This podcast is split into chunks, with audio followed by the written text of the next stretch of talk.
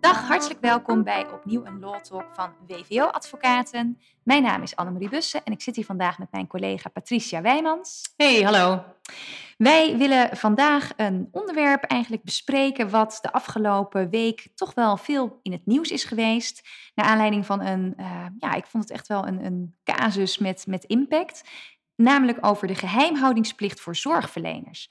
En dan uh, raadt u misschien wel waar het over gaat. Het gaat over de GGZ Drenthe, die aan de bel trok bij de werkgever van een verpleegkundige in Assen. Die namelijk uh, in vertrouwelijke gesprekken, dus kennelijk als patiënt, als cliënt van ja. de GGZ, aan zijn zorgverleners had verteld dat hij betrokken was bij 20 sterfgevallen. Ja. Um, nou, dat is natuurlijk een, een, een, nou ja, een bericht met ontzettend veel impact. Maar ja, wij als juristen um, denken dan meteen van... hé, hey, maar hoe zit dat dan met het medisch beroepsgeheim? Wanneer mag je als hulpverlener nou jouw beroepsgeheim doorbreken? En um, nou, we vinden dat uh, een onderwerp wat echt wel de moeite waard is om te bespreken. En we willen eigenlijk naar twee, twee aspecten wel kijken. Aan de ene kant natuurlijk de werkgever, het ziekenhuis, wat dit soort informatie kreeg. Daar willen we kort bij stilstaan. En vervolgens willen we toch ook wel gaan kijken, ja, maar hoe zit dat nou eigenlijk als je binnen het, binnen het verzuim zit, als je als bedrijfsarts bepaalde informatie te horen krijgt of hè, als er zaken gebeuren die je misschien wel of niet zou willen mededelen, kan dat, mag dat? En uh, nou, daar willen wij uh, samen uh, toch wel eventjes een boom over opzetten met elkaar. Eerst even dat stukje over um, de, de werkgever, het ziekenhuis. Ja, die hebben de melding gekregen van weet, een werknemer van jullie heeft het volgende in vertrouwelijke gesprekken gedeeld. Ja, wat, wat vind jij Patricia, wat moet je daar als werkgever nu mee? Of wat kan Nou ja, als werkgever uh, krijg je die informatie natuurlijk en kun je ervoor kiezen om uh, dat naast je neer te leggen. Maar ja, wat is daar dan de consequentie van? Dan doe je misschien geen onderzoek, terwijl je de informatie wel hebt. Um, dus ik denk dat deze werkgever er goed aan heeft gedaan om hier wel onderzoek uh, in te stellen. Ook omdat wij juist in de civiele procedures zien dat, dat rechters er over het algemeen veel meer waarde hechten aan waarheidsvinding dan aan uh, ja, door, het doorbreken van een beroepsgeheim of, of eventueel onrechtmatig verkregen bewijs en dergelijke. Dus civielrechtelijk voor een werkgever, ja, denk ik dat ze er goed aan hebben gedaan om hier wel gebruik van te maken. Ja, hè, en ook misschien wel als je weer verder doordenkt. Um, stel dat je dit soort informatie hebt, maar je legt het naast je neer en er gebeurt daarna weer wat qua aansprakelijkstelling. Of hè, je, ja. je had het misschien kunnen voorkomen. Um, en, en het is ook wel goed wat jij zegt. Je hebt natuurlijk die, um, hè, de civielrechtelijke waarheidsvinding. Want volgens mij wordt er ook wel weer anders gekeken naar de strafrechtelijke waarheidsvinding. Ja. En, en het is wel aardig in, uh, in de Volkskrant van uh, afgelopen zaterdag. Stond ook een, uh, een interview um, naar aanleiding van deze, van deze casus met een hoogleraar gezondheidsrecht, volgens mij van de Erasmus Universiteit. En um, die gaf ook aan van ja, op zichzelf is het hebben van kennis over strafbare feiten als zorgverlener, als arts, ja, is dat niet meteen een geldige reden om je beroepsgeheim te breken. Ook niet als nee. dat de opsporing heel erg zal vergemakkelijken. Nee, de, de, de, uh, nou, het beroepsgeheim is wel echt een heel groot goed uh, in Nederland, waar heel veel waarde aan wordt gehecht. Dus je mag als arts het niet zomaar, uh, niet zomaar doorbreken. En het was in deze zaak, denk ik, ook wel een beetje discutabel. Dat zal denk ik best een moeilijke afweging zijn geweest voor de betreffende artsen om dat wel of niet uh, te doorbreken. Ja, ik, ik denk ook wel, want, want hè, je ziet dan een, een, een aantal criteria wat hè, langsgelopen kan worden als jij als arts um, meent dat, jij, hè, dat je een soort van conflict van plichten hebt. Ja. Um, en we, we, komen er straks ook nog wel eventjes op. Alleen volgens mij is een van de, uh, van de elementen ja, dat iemand hè, mogelijk ernstig gevaar loopt. Ja, precies. En, maar hier was het natuurlijk zo, je hoort iets over iets wat iemand al gedaan heeft. Ja, plus uh, deze... Een van, een van, de standaard voorbeelden is natuurlijk als jij bij de arts zit. Maakt niet uit of het een bedrijfsarts is of een gewone huisarts of zo. En je zegt, uh, ik heb een, een, mes in mijn auto. Ik rij zo meteen naar mijn ex toe en die steek ik dood. Ja, dan heb je een hele directe aanleiding om je beroepsgeheim te doorbreken en de politie of misschien zelfs die persoon te waarschuwen. Ja, ja en hier was volgens mij ook weer uh, van belang dat deze verpleegkundige, dat hij op dat moment ook niet aan het werk was. Nee. Het is volgens mij niet duidelijk, of in ieder geval nog niet bekend, laat ik het zo zeggen, of hij eh, wegens ziekte afwezig was, niet aan het werk was. Je zou Ja. je er wel iets bij kunnen voorstellen, want kennelijk was hij onder behandeling bij, eh, bij de GGZ. Ja. Of dat hij vrijgesteld was van werk of geschorst. Maar hij had in ieder geval nog een arbeidsovereenkomst. Ik kan me hier ook nog echt wel voorstellen dat misschien hij tijdelijk even niet aan het werk was, maar dat er wel gegronde vrees was dat als deze persoon weer aan het werk zou gaan, dat hij zijn werkwijze weer voort zou zetten en dat nog meer levens zou kosten. Ja. Dus dat zal misschien wel een afweging Nou, zijn dat is, geweest. dat is wel wat, wat de hoogleraar, eh, zijn naam is overigens Martin Buizen, eh, hè, die, die, die geeft dat ook aan. Van ja, het, het feit dat hij nog een arbeidsovereenkomst had, dat, eh, stel dat hij inderdaad in verband met ziekte nu afwezig was, ja, iemand gaat reïntegreren, iemand Ja. keert terug, dan, hè, dan is de kans gewoon wel weer aanwezig dat er weer ehm, eh, door hem bepaalde feiten worden gepleegd die je als werkgever eh, natuurlijk wil voorkomen. Ja. Maar, maar hè, dus, dus inderdaad, eigenlijk zeggen wij van, nou ja, als je dit als werkgever dit soort informatie te horen krijgt, waarbij je dus misschien kunt discussiëren over, ja, is dit nou hè, eh, het medisch beroepsgeheim wat geschonden wordt? Ja, eigenlijk zou je een soort van kunnen zeggen als werkgever, ja, dat is not my cup of tea, dat is Precies. niet mijn probleem, maar ik heb nu deze informatie, ik moet daar iets mee, Ja. ik ga dat onderzoeken. En hè, al naar gelang uitkomsten van het onderzoek of iets, ehm, ga ik nog handelen of in ieder geval, ik stel nu iemand wel op non-actief eh, in het kader van het onderzoek wat er loopt. Want ik heb een redelijke verdenking dat er gewoon sprake is van, van ernstig Ja. dysfunctioneren, Ja. dan wel ernstig verwijt behandelen. Geef het een mooie. En als je zo'n melding Term. krijgt, juist van eh, een, een GGZ-instelling of een arts, dan zou ik juist denken, dan zou ik zo'n melding juist wel heel serieus nemen. Eh, want ook al hoef jij die afweging als werkgever niet te maken ten aanzien van het doorbreken van het beroepsgeheim, eh, kennelijk heeft die arts dat dan wel gedaan. En dat is geen lichte toets. Dus, dus als ik als werkgever zo'n melding zou krijgen, dan zou ik hem ook wel heel serieus nemen. Ja.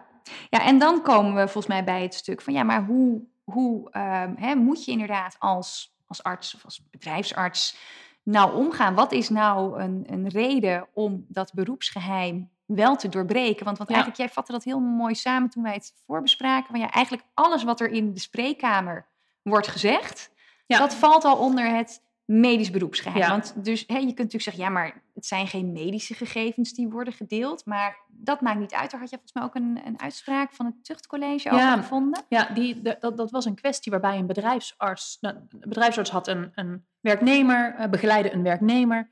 En die hadden een discussie over het wel of niet aanvragen van een second opinion. Dat zie je natuurlijk wel vaker. Daar hebben ze een beetje over, over en weer volgens mij over gemaild. Die bedrijfsarts die heeft dat doorgestuurd aan de werkgever. Die mailcorrespondentie over het wel of niet aanvragen van een second opinion. Dus er zat niks medisch in. Dat, ging gewoon, dat was gewoon wat gesteggel over de second opinion wel of niet aanvragen. Ehm, eh, maar die werd wel op zijn vingers getikt. eh, omdat, die bedrijfsarts, hè, Precies, omdat hij, omdat hij dat niet zomaar had door mogen sturen aan de, aan de werkgever. Want ook al was dat, ging het aan zich niet over iets medisch, maar alles wat in die, ja, in die wachtkamer, alles wat in die relatie wordt besproken, dat valt onder het medisch beroepsgeheim. En ehm, wij hadden het, hem, nou, in in- hadden het hiervoor even over, ja, maar wat, wat is dat dan? Ja, weet je, als je bij de huisarts komt en je vertelt over een medische aandoening, bijvoorbeeld, ik heb heel, heel veel stress, dan is dat echt iets medisch. Als jij vertelt, ja, dat komt door mijn scheiding, ja, dan is die scheiding niet medisch, maar valt, eh, wat mij betreft, wel gewoon onder het beroepsgeheim. Ja, alleen als ik dan vervolgens ehm, zeg, en ik heb zo'n last van die scheiding, en ik ga hè, nu met de bel die achter op de achterbank ligt, eh, rij ik naar hem toe en zorg ik dat het opgelost wordt. Ja. Dan kom je volgens mij bij een van de doorbrekingsgronden, namelijk hè, die, die noodtoestand, dat conflict van plichten, Ja. zodat de huisarts kan zeggen... toch een politie kan waarschuwen of eh, ja, iemand. Nee, dat klopt. Dus volgens mij is dat beroepsgeheim best breed. Eh, alles wat er in, die, in het kader van die behandeling wordt verteld, valt in beginsel onder dat beroepsgeheim. Eh, ook al is dat niet iets zuiver medisch. Nee, en dan is het misschien wel aardig dat we, dat we dan even eh, ook gaan kijken van ja, wat, wat hebben wij nou in de praktijk voorbij zien komen op dit vlak? Ja, dan is het Ja. natuurlijk vaak binnen, binnen de, het arbo, hè, binnen, binnen, binnen verzuim. Ehm, want nou ja, er zijn natuurlijk ook allerlei richtlijnen en instructies voor eh arbodeskundigen, voor bedrijfsartsen. Wanneer mag je nou wel of niet een beroepsgeheim doorbreken? Hè? In, in beginsel gewoon heel algemeen geldt. Eh, je mag eh, het beroepsgeheim doorbreken als je toestemming hebt van de patiënt. Dus als de werknemer expliciet toestemming geeft, dan mag je dat. dan mag je medische gegevens verstrekken. Eh, ook bij veronderstelde toestemming. Dat is bijvoorbeeld als iemand wordt doorgestuurd naar een specialist. Mhm, Dan ja. mag je er als arts van uitgaan dat je informatie mag doorsturen aan die specialist. Ehm, er zijn ook bepaalde eh, wettelijke eh, regels over dat je verplicht bent om een beroepsgeheim te doorbreken. Bijvoorbeeld bij infectieziekten en dergelijke. Zo zijn er een paar, een paar uitzonderingen waarbij je als arts ook verplicht bent om meldingen te doen. Die, is- die is natuurlijk best wel duidelijk, hè? Dat Ja. is dat die uitzondering. Precies, Ja. dat zijn hele specifieke Ja. uitzonderingen. Ehm, maar je kunt ook een soort van, ehm, hè, dat is dan een, een, een plicht om te spreken, maar je hebt ook een recht om te spreken soms. En dat is dan met name volgens mij in die situatie dat je, ehm, ja, dat je, dat je enerzijds natuurlijk je beroepsgeheim hebt, maar anderzijds informatie wordt gedeeld die dusdanig ernstig is eh, dat je eigenlijk niet kunt zwijgen. Ja, dus dat je die, die conflict van plichten, die, die Ja. voel je eigenlijk. En volgens mij is daar inderdaad dan heel erg bepalend of er inderdaad ook eh, hè, risico is op ernstige schade voor de patiënt, de cliënt of hè, de Ja. werknemer bij een Ja. bedrijfsarts zelf. Of voor, hè, of voor anderen. Ja, en, en weet je, dat- bij een, dat kan bijvoorbeeld eh, eh, gaan over kindermishandeling. Dus stel je hebt een kind onder, onder behandeling waarvan je vermoedt dat er sprake is van mishandeling, dan kan zo'n situatie aan de orde zijn. Maar wat wij dus in onze praktijk vaker tegenkomen, is dat bijvoorbeeld een bedrijfsarts bedreigd wordt. Ja. Ehm, hè, een In werknemer de, in de Ja, spreekkamer. in de spreekkamer. Werknemer heeft zich ziek gemeld, wordt Ja. opgeroepen. En die werknemer zegt dan, als jij niet, niet opschrijft dat ik niet kan werken, dan doe ik je wat aan. Ja, Ehm, en dan moet je als bedrijfsarts natuurlijk wel eh, kijken, is dat een serieuze eh, bedreiging? Of is iemand dusdanig van het padje en, en moet ik die gewoon eh, doorverwijzen naar hulp? Dus als bedrijfsarts mag je ook niet meteen zeggen hoe. En meteen in de, in, in de paniekstand. Maar als, iets serie, als, er- als er een serieuze dreiging is, ja, dan, dan mag je je beroepsgeheim doorbreken. En bijvoorbeeld aangifte doen bij de politie. Ja, want dat is nog wel een aardige dat je dat zegt. Want dat is dus wel iets anders dan dat jij dit terugkoppelt aan de werkgever. Precies, Want precies. hè, volgens mij is het hè, wat jij zegt, van er moet dus dreiging zijn van direct gevaar. En wat je natuurlijk hè, als bedrijfsarts ook zou kunnen doen, van nou, je laat iemand gaan, even af laten koelen, een nieuw, eh bij wijze van spreken, een nieuw spreekuur of een nieuw consult. Maar als dan echt, hè, als, als diegene van spreken nog agressiever is, of zelfs een, eh, een knuppel mee zou nemen om zijn, eh, om zijn dreigingen echt, eh, echt kracht bij te zetten ja. Dan hè, mag je dus als bedrijfsarts eh, aangifte doen. Ja. Alleen wat doe je dan met je terugkoppeling aan de werkgever? Want je hebt dus niet vast kunnen stellen of iemand ziek is. En sterker nog, dit is natuurlijk gedrag wat totaal onacceptabel is. Precies, jij kunt daardoor je werk niet doen. Ehm, en het lastige is dat je dus niet zomaar, dat beroepsgeheim, dat is dus zo, eh, nou, zo stevig, dat je niet zomaar richting, die bedrijfs of richting de werkgever mag terugkoppelen. Joh, luister, jouw werknemer bedreigt mij met een knuppel eh, op het spreekuur. Dus eh, ik, eh, ik kan eh, geen, niet vaststellen of hij wel of niet arbeidsongeschikt is. Eh, dan moet je dus meer algemeen terugkoppelen. Ja, ik heb niet kunnen vaststellen of werknemer wel of niet arbeidsongeschikt is. En dat is iets wat, wat de werknemer te verwijten valt. Maar veel, veel specifieker mag je daar niet eh, op terugkoppelen. Nee, nee, dat is inderdaad wat ik volgens mij ook hè, terugzie in de KNMG, eh, hè, beroepsgeheim en politie-justitie. Die geven aan van ja, als jij inderdaad als bedrijfsarts of als verzekeringsarts ehm, het beroepsgeheim tegenover de werkgever zou willen of zou moeten doorbreken, als, jij, hè, als je daar die overweging moet maken, dan moet er echt dus sprake zijn van een ernstig dreigend gevaar voor de werknemer zelf Ja, de werkgever of collega's. Dus Ja. stel, ik vertel eh, bij de bedrijfsarts in de spreekkamer, ik heb zoveel stress, ik heb Ja, hartkloppingen. precies. Dat komt door mijn scheiding. Maar mijn scheiding is weer ingegeven door het feit omdat ik altijd aan het werk was. En dus rij ik nu naar mijn werkgever toe om Ja. daar iedereen met die hakbaal eh, kort en klein te slaan. Ja. Dan heb je dus dat het ook een, hè, een ernstige dreiging is naar werkgever, naar de collega's. En dan mag dus wel de werkgever eh, erop Ja.